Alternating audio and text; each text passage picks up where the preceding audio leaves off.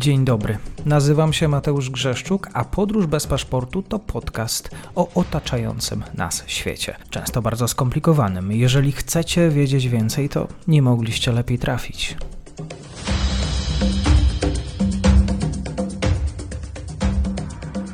Partnerem odcinka jest Oanda, TMS Brokers, dom maklerski obecny na rynku już od ponad 20 lat. W opisie odcinka znajdziecie link do aplikacji, w której możecie otworzyć konto maklerskie i grać na giełdzie, a wcześniej potrenować na koncie demonstracyjnym. Jeżeli otworzycie konto za pośrednictwem tego linku, dostaniecie na start książkę o tematyce inwestycyjnej. Zapraszam, Mateusz.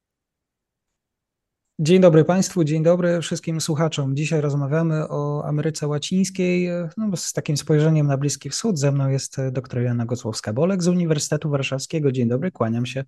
Dzień dobry. Będziemy rozmawiać o, o konkretnie wojna w Izraelu również e, pewnie zarezonowała w mediach i społeczeństwach e, Ameryki Łacińskiej. Prawda czy fałsz? Owszem, i to bardzo, ale na inną nutę niż e, w zachodnich stolicach, na czele ze Stanami Zjednoczonymi. I to jest, e, wydaje mi się, bardzo ciekawe, żeby sobie popatrzeć na reakcję poszczególnych e, stolic z Ameryki Łacińskiej na to, co się dzieje na Bliskim Wschodzie i, i zastanowić się, dlaczego tak się te reakcje rozłożyły w kontrze no tak. właśnie do tego, jak te zachodnie stolice no, generalnie potem potępiły e, atak Hamasu i podkreśliły prawda, prawo Izraela do samoobrony i, i, i tak dalej. Tutaj e, jakby ta narracja myślę, że jest, jest, jest nam e, szeroko znana. Jak to się zdarzyło w, w Ameryce Łacińskiej? Okazuje się, że w dużym stopniu mm, te reakcje są albo w kontrze, albo przynajmniej no, dużo mniej zdecydowane, dlatego że w wielu e, krajach postrzegano, że ta zdecydowane e, opowiedzenie się, zwłaszcza Stanów Zjednoczonych, po jednej stronie, jakby wpisuje się w taką narrację hipokryzji. I właśnie Stany Zjednoczone i w ogóle te stolice europejskie e, są oskarżane e, albo bardzo otwarcie, albo gdzieś tam jakieś zawoalowane E, różne e, są jakieś narracje, które świadczą o tym, że mm, no tutaj nie ma, nie ma takiej zgody na to, żeby na przykład e, Europa czy Stany Zjednoczone oczekiwały od Ameryki Łacińskiej jednoznacznego wsparcia Ukrainy w tym konflikcie z Rosją, no a z drugiej strony również upowiedzenia się jakby po stronie Izraela przeciwko Palestynie. I to bardzo dobrze widać gdy sobie spojrzymy na to, jak się, e, jak się te reakcje rozłożyły. 31 października Boliwia e, jako pierwszy kraj zerwała stosunki dyplomatyczne z Izraelem, czyli to była taka bardzo silna reakcja. Oczywiście odwołując się tutaj, e, powołując się na agresywną, nieproporcjonalną izraelską ofensywę wojskową mającą miejsce w strefie gazy. To jest cytat z, z oficjalnego stanowiska. Później, to znaczy, to nie jest też zaskoczenie, to nie jest nowum, dlatego że wcześniej już, e, gdy prezydentem w Boliwii był Evo Morales, e, no, też skrajnie lewicowy, e, taki socjalistyczny przywódca, to już w 2009 roku Boliwia zerwała stosunki dyplomatyczne z Izraelem. Później mieliśmy w Boliwii rządy prawicowe i no, jedną z pierwszych decyzji tego, tego nowego rządu było y, nawiązanie czy, czy od, odnowienie tych stosunków dyplomatycznych właśnie z Izraelem, a teraz, gdy mamy no, znowu rządy lewicowe, y, w oczekiwaniu też na, na kolejne wybory, które mają się odbyć y, w 2025 roku i tam Evo Morales znowu się szykuje prawdopodobnie na, na, do, do, przynajmniej do kampanii wyborczej, a może i na stanowisko ponownie prezydenckie E, właśnie w tym, myślę, w toku tego myślenia Boliwia tutaj zrywa stosunki dyplomatyczne, to jest taka najbardziej drastyczna reakcja i, i najbardziej wymowna. Zastanawiam się, dlaczego właśnie Boliwia akurat? No, tutaj też e, długa, długa historia za tym stoi, ale to, co powiedziałam, czyli e, bardzo jasna reakcja właśnie Evo Moralesa i całego tego ruchu, który on reprezentuje, próba e, powrotu Evo Moralesa na stanowisko, to wszystko zaważyło właśnie na takiej bardzo silnej reakcji, ale nie jest Boliwia tutaj odosobniona. Jak sobie popatrzymy na, na to, jak zareagowały chociażby Kolumbia i Chile, to one powtarzają tę krytykę.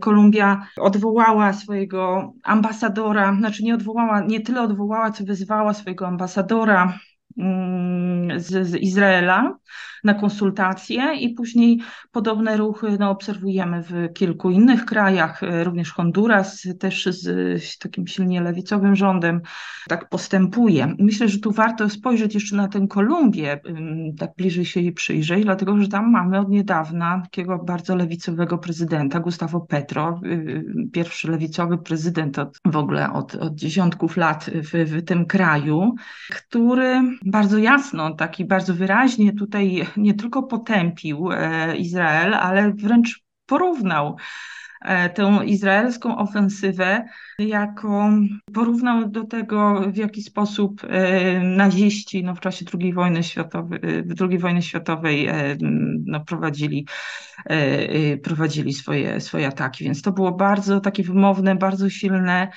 i też z jednej strony to może wpisywać się w ogóle też w dłuższą historię, prawda, samej, samej Kolumbii, ale przede wszystkim y, Gustavo Petro, no, który y, i to jest, to jest podnoszone dzisiaj w momencie, gdy on takie słowa wypowiedział, właśnie te, te przyrównanie tutaj do, do nazistów, do samego Hitlera, to mm, wpisuje się w jego historię, to znaczy Gustavo Petro był kiedyś członkiem e, no, organizacji w, w samej Kolumbii, takiej, która prowadziła e, przecież ataki dokonywała pewnych ataków e, i, i to wpisuje się właśnie w tą historię odzyskiwania, doprowadzenia do pokoju w, w Kolumbii. Więc tutaj takie porównania padają bardzo, bardzo silnie.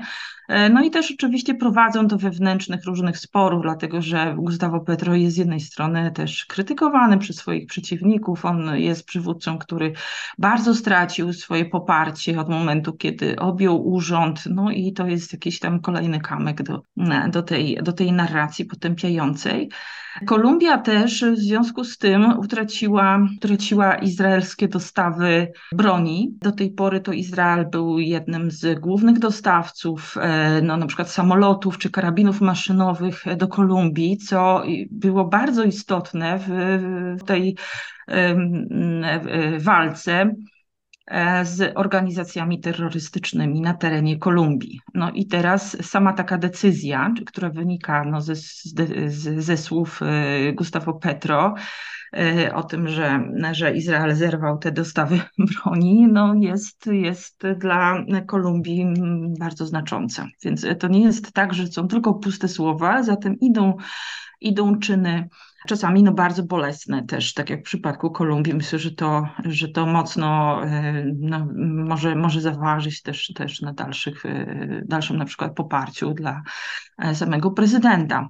Chile nie będzie tutaj, myślę, zaskoczeniem, dlatego że Chile już wcześniej, czy prezydent Chile, Gabriel Boric, już wcześniej wypowiadał się w, w momencie, gdy były jakieś konflikty światowe. Y, on zawsze wypowiadał się w takim tonie, że należy przywrócić porządek międzynarodowy, że należy tutaj pilnować prawa międzynarodowego, więc y, tutaj również wypowiedział się w ten sposób. E, tam zresztą trochę to czasu zajęło, zanim on odnalazł taką swoją narrację w tym konflikcie, znaczy w, w jaki sposób y, ująć to w słowach, dlatego że Chile jest największa, istnieje największa diaspora palestyńska w Ameryce Łacińskiej, spośród krajów Ameryki Łacińskiej. Tam przebywa około 500 tysięcy osób pochodzenia palestyńskiego.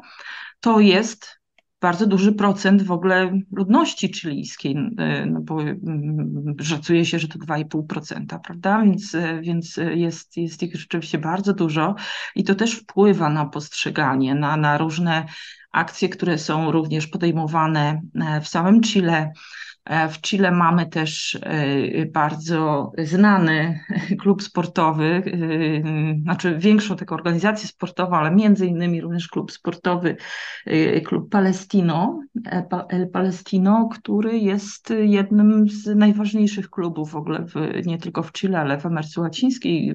Rozgrywa dwukrotnie, był czempionem w samym, w samym Chile w ostatnich latach, ale sama ta Mm, diaspora palestyńska liczy wiele lat. Ona zaczęła, y, znaczy Palestyńczycy czy, czy osoby pochodzenia palestyńskiego już tam żyją od, od dziesiątków lat, bardzo ściśle zrośli się z, ze społeczeństwem y, pochodzenia z innych krajów, y, również na, przykład z Europy. To się bardzo silnie przeplata i myślę, że to też, też mocno E, rezonuje. E, z kolei w Argentynie, sąsiednim kraju, mamy bardzo dużą diasporę izraelską, największą w Ameryce Łacińskiej diasporę izrael, izraelską.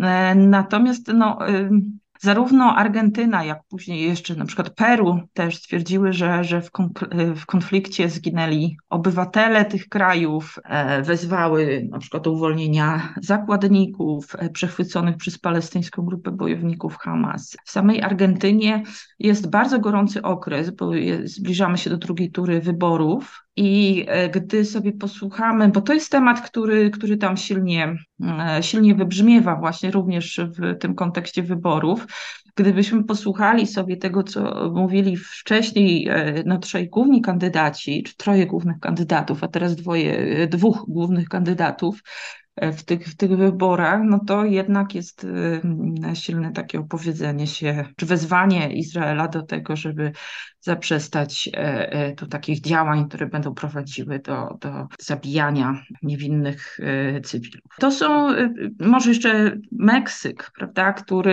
mm, to jest jeden z tych krajów, który najczęściej no, bardzo silnie obstaje przy, przy swoim takim takiej polityce polityce niezaangażowania się, e, równego dystansu, prawda, nieopowiadania się po żadnej ze stron i to, e, i to próbuje e, realizować w czasie, gdy dochodzi do, do różnych zdarzeń. To też widzieliśmy podczas tego, gdy no, potrzebne były, było podejmowanie jakichś decyzji w sprawie konfliktu pomiędzy Rosją a Ukrainą. Natomiast no tutaj też e, bardzo e, silnie wydaje się, że, że ciąży w stronę Izraela bardziej niż, niż e, przepraszam, w stronę Palestyny. I teraz jeśli chodzi o, o Brazylię na przykład, no też to jest, to jest taki temat, który tam silnie myślę, że polaryzuje, dlatego że sam Jair Bolsonaro, poprzedni prezydent, w momencie, mm, gdy wypowiada się na, na te tematy w mediach społecznościowych, to właśnie krytykuje obecnego prezydenta Lula da Silva za to, że, mm, że opowiada się po stronie Palestyny, czy, czy, czy nawet wskazując, że, że popiera organizację terrorystyczną i jej działania. Podczas wyborów ostatnich e, to media sfotografowały małżonkę e, Jaira Bolsonaro, gdy brała udział w głosowaniu, była ubrana we flagę e, Izraela. I sam Jair Bolsonaro no, też bardzo silnie się, się po tej stronie wypowiada. Więc chciałam przez to pokazać, przez, przez taki krótki przegląd, pokazać, że to jest temat, który rzeczywiście istnieje. Y, który kształtuje pewne podziały polityczne, dlatego że to nie jest tak, że jeżeli sam przywódca danego kraju, sam prezydent wypowiada się w jednym mm, e, e, jakimś, w jakimś jednym tonie, to prawda, wszyscy nagle, cały, cały naród tutaj wspiera. E, pojawiają się różne inne wypowiedzi ze strony czołowych polityków, nabrzmiewają pewne mm, konflikty, więc to jest temat, który wpływa na stosunki wewnętrzne w krajach Ameryki Łacińskiej, ale wydaje mi się, że jeszcze bardziej, jeżeli sobie spojrzymy na to, mm, jeszcze, jeszcze bardziej takie reakcje wywołuje właśnie w stosunkach międzynarodowych, bo tutaj padają oskarżenia ze strony krajów Ameryki Łacińskiej w stronę właśnie Stanów Zjednoczonych, w stronę krajów Zachodu, o tę hipokryzję, która z ich strony no, jest, jest uważane za coś bardzo szkodliwego. Są oskarżenia e, bardzo jasno formułowane, jeśli chodzi o te podwójne standardy, które Zachód prezentuje, prawda, że z jednej strony potępia jakby nielegalną okupację Ukrainy, tak, a jednocześnie stanowczo opowiada się za Izraelem, tak, który, który przecież okupuje zachodni brzeg i strefę gazy tam od dziesiątków lat. E, więc to to jest taki temat, który rzeczywiście istnieje. Druga y, taka linia, którą też tutaj warto zauważyć, linia interpretacji, to jest taka, że przecież wiele krajów odnajduje tutaj jakby część również swojej historii, bo bardzo często, jeśli w krajach Ameryki Łacińskiej występują na przykład demonstracje poparcia dla narodu palestyńskiego przeciwko e, działaniom e, e, tym podejmowanym przez Izrael, a takich demonstracji jest bardzo, bardzo dużo, w zasadzie we wszystkich krajach, to często tam odnajdziemy oczywiście przedstawicieli różnych diaspor, palestyńskich, ale też e, kluczowych polityków z danego kraju, ale też przedstawicieli ludności tubylczej. Dlatego, że ta ludność tubylcza bardzo często identyfikuje się właśnie z Palestyńczykami, odnajdując tutaj no, no podobieństwo, że przecież oni tubylcze w Ameryce Łacińskiej również no, walczą o, o swoją pozycję, czuli się przez tam dziesiątki lat prześladowani, czy nie mogli odnaleźć swojego miejsca. Więc to też e, bardzo, bardzo silnie wybrzmiewa e, w tych, w tych narracjach, które się, e, mhm. się, się pojawiają. I też jest tutaj, myślę, że dość silnie wybrzmiewa to, że Stany Zjednoczone jakby próbują łączyć temat Ukrainy i Izraela, jakby w tej samej nawet puli środków e, prawda, przeznaczonych na wsparcie w, wypowiedziach e, Joe'a Bidena przed kongresem, no to, to, znalazło jakieś połączenie, prawda, więc wspólnie, wspólnie straktowane. I teraz Y, Ameryka Łacińska tutaj przygląda się no, z pewnym zdziwieniem i nie do końca rozumiejąc, prawda, dlaczego te dwa tematy są, są w ten sposób łączone w tej narracji e, płynącej z Białego Domu.